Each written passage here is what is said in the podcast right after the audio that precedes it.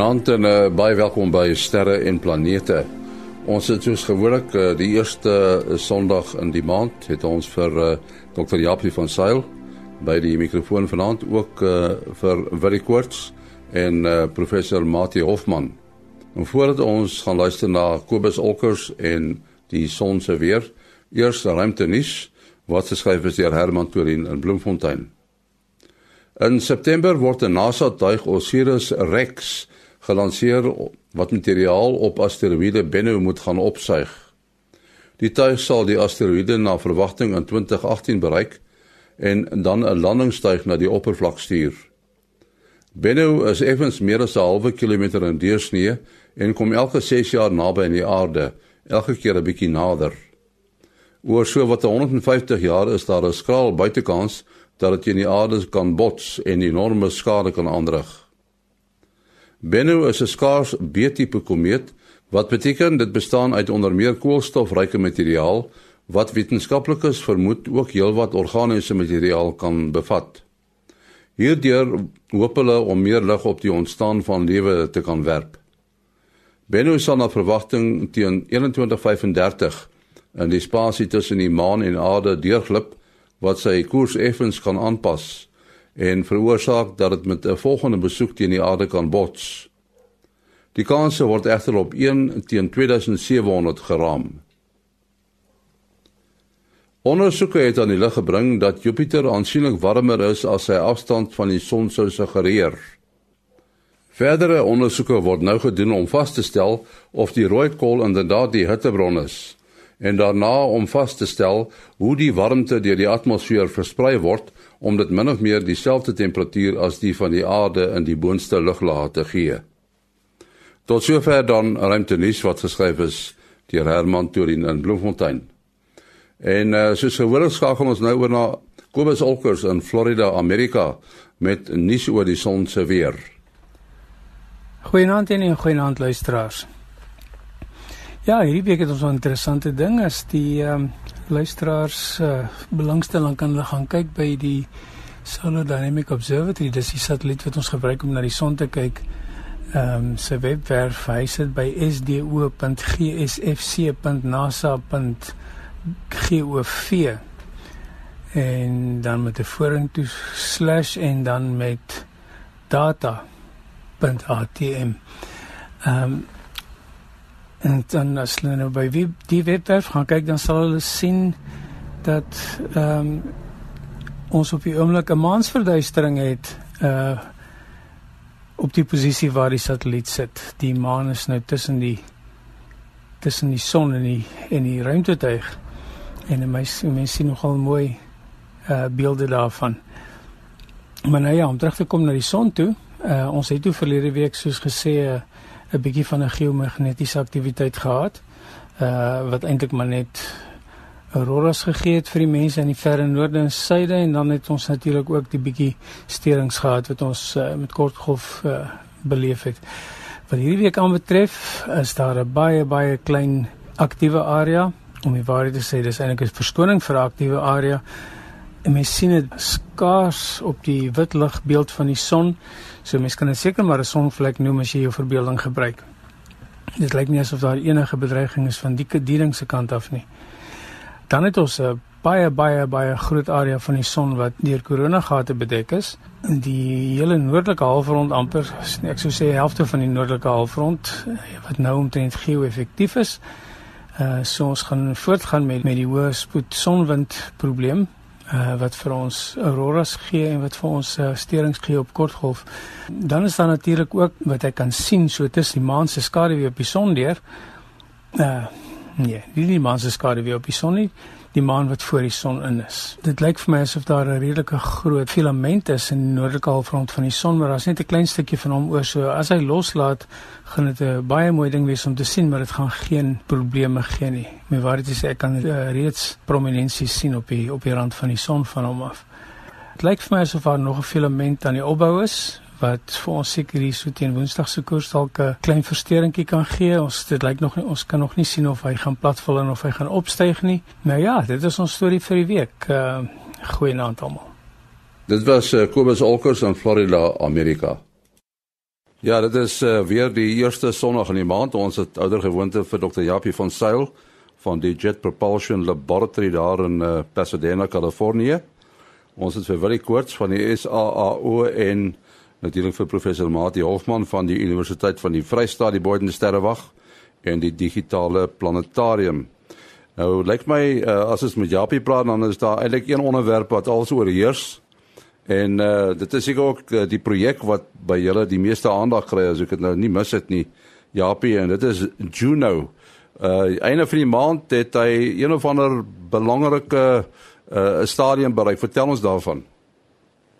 Ja nee, kyk op die oomblik is alles hier by ons omtrent Juno.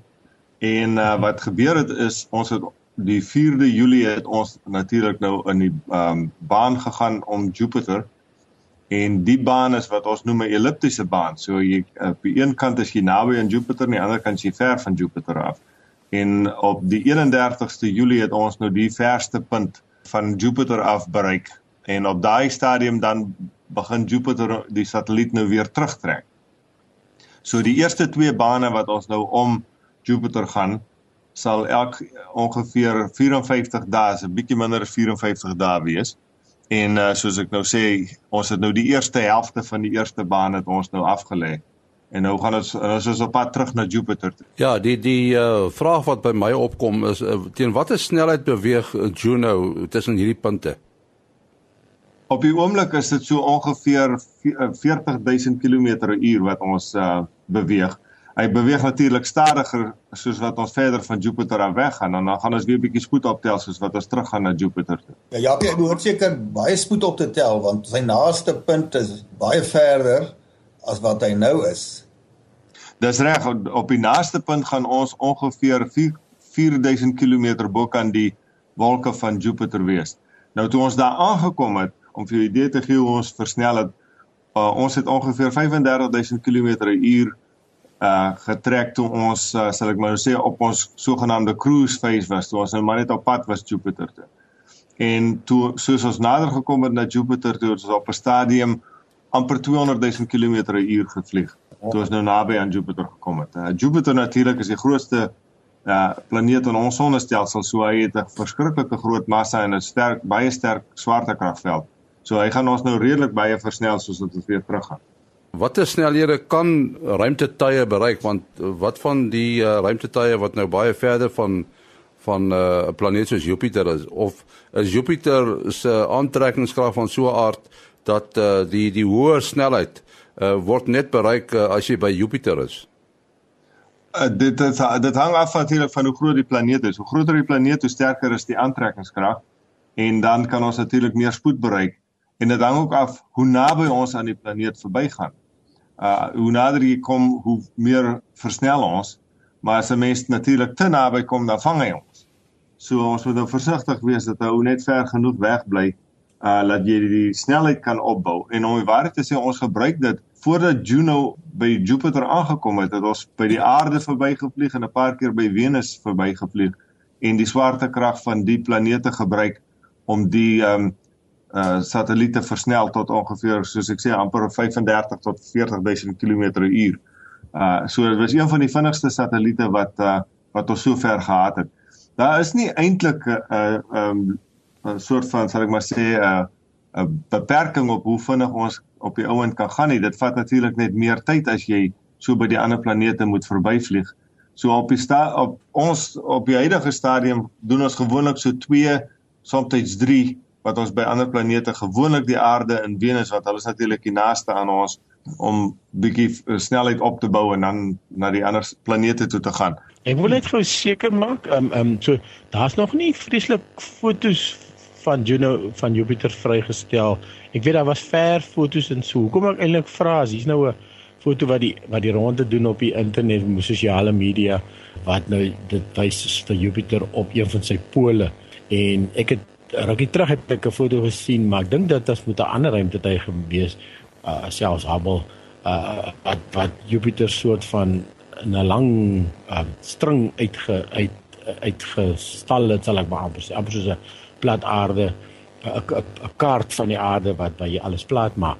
En dit lyk amper vir my of iemand net daai foto gevat het en 'n artikel gemaak het en nou gesê dit kom van Juno af. So daar's nog nie vreeslike fantastiese naby foto's van die Juno sending nie of of of is ek verkeerd? Ja, dit is nee, jy's doodreg. Ons het uh, onthou toe ons daar aangekom het, het ons al die instrumente afgesit.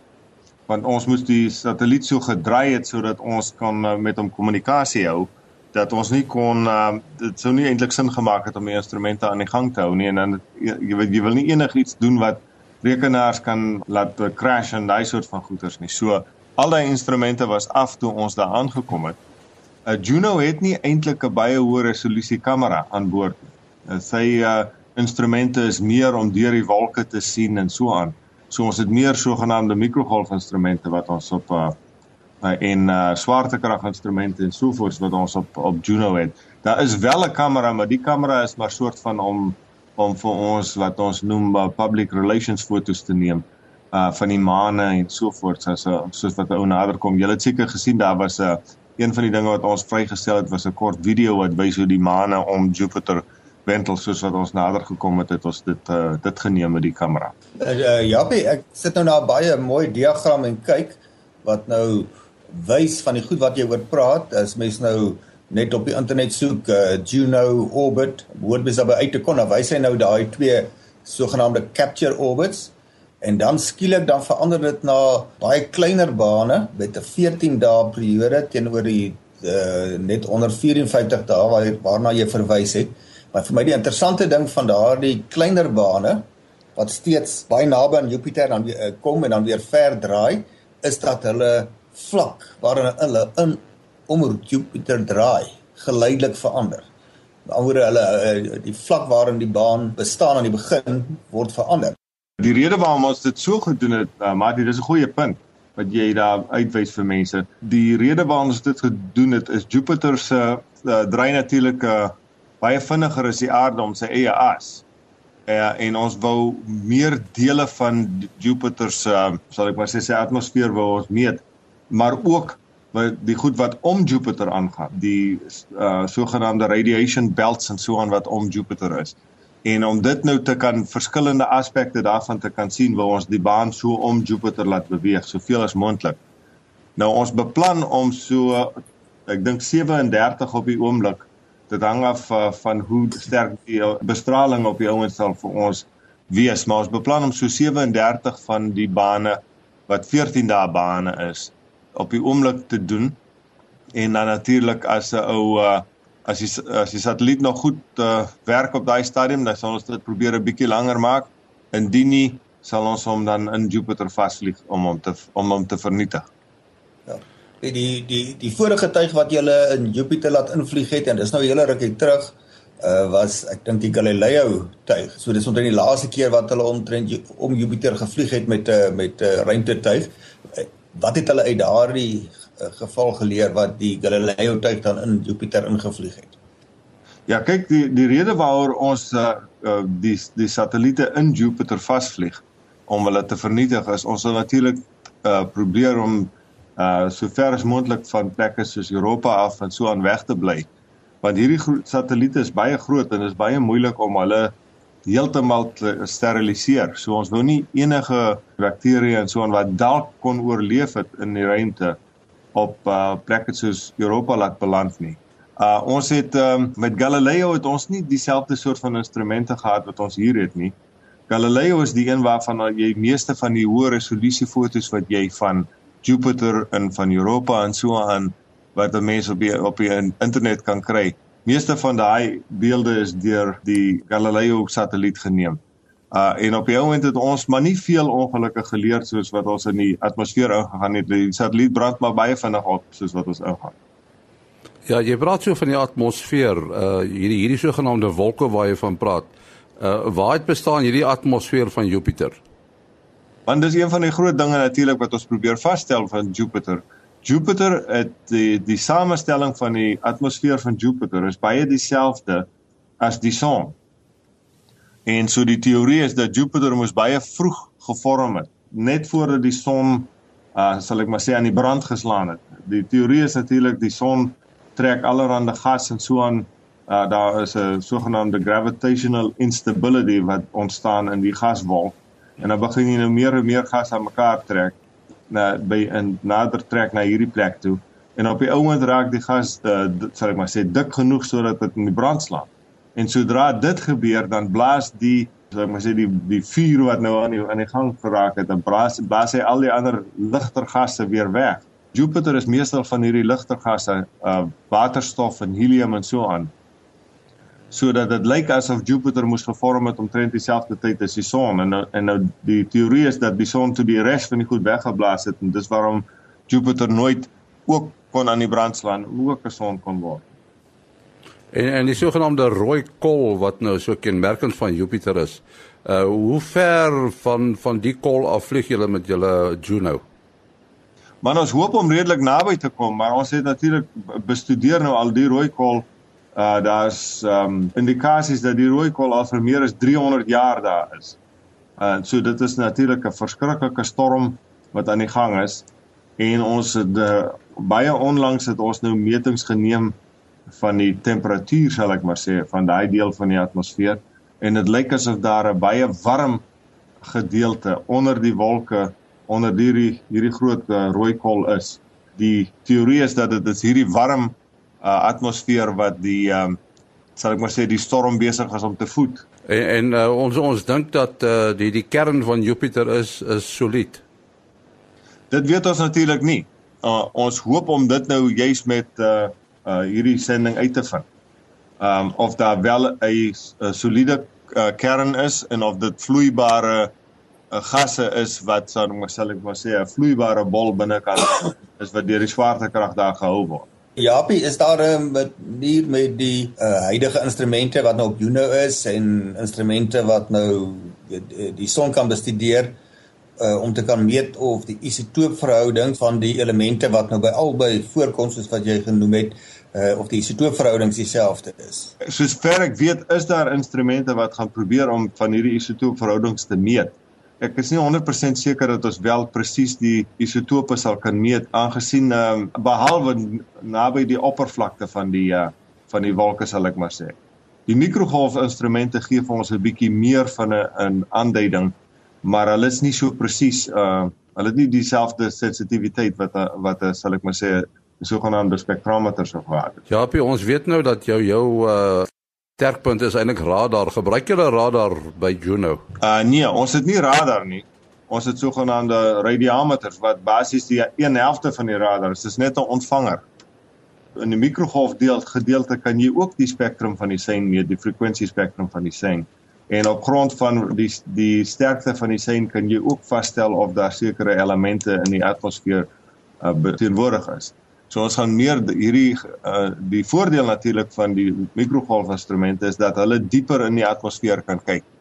En so dit is waarom ons meestal met die mikrogolfinstrumente in hierdie geval gaan kyk. Nee, ek sê dink sommer nou net skielik aan die uh Shoemaker-Levy komeet wat uh, destyds op Jupiter geval het. Ek ek sover ek weet, lyk dit as al daai oorblyfsels van daai impakte eintlik heeltemal verdwyn en opgeneem in in Jupiter sal dit nou nie 'n lekker meevallertjie wees as as daar nou so iets gebeur terwyl terwyl jy nou nou daar rondom rondom Jupiter vlieg nie. Nee, dit is nogal interessant. Uh, die verwagting is dat uh, in hierdie tyd wat ons daar sal wees, as jy nou kyk op grond van uh, beelde wat ons het van uh, Hubble en so aan, uh, daar is 'n baie goeie kans dat ons uh, van daai groot uh sal ek maar sê die groot ontploffings in die atmosfeer sal kan sien as gevolg van voorwerpe wat in Jupiter vasvlieg. Dit gebeur redelik gereeld. Ja, ja. Ja. En ek dink ja. daar is al vermoedens dat amateurs en so dit intussen weer gesien het. Nou wat ons weet waarvoor om te kyk. Ja. Nou goed, ons moet uh, ongelukkig afsluit. Japie, jou besonderhede? My uh, e-posadres is japiejpl@gmail.com. japiejpl@gmail.com. Mati? Uh, selfoonnommer 0836257154. 0836257154. En dan Willie? 0724579208. 0724579208. Ja, ons sê baie dankie aan Willie Koorts, Mati Hofman en uh, Dr. Japie van Sail. En uh, my e-posadres is maas.henny@gmail.com maas.denny@gmail.com. Tot volgende week. Mooi loop.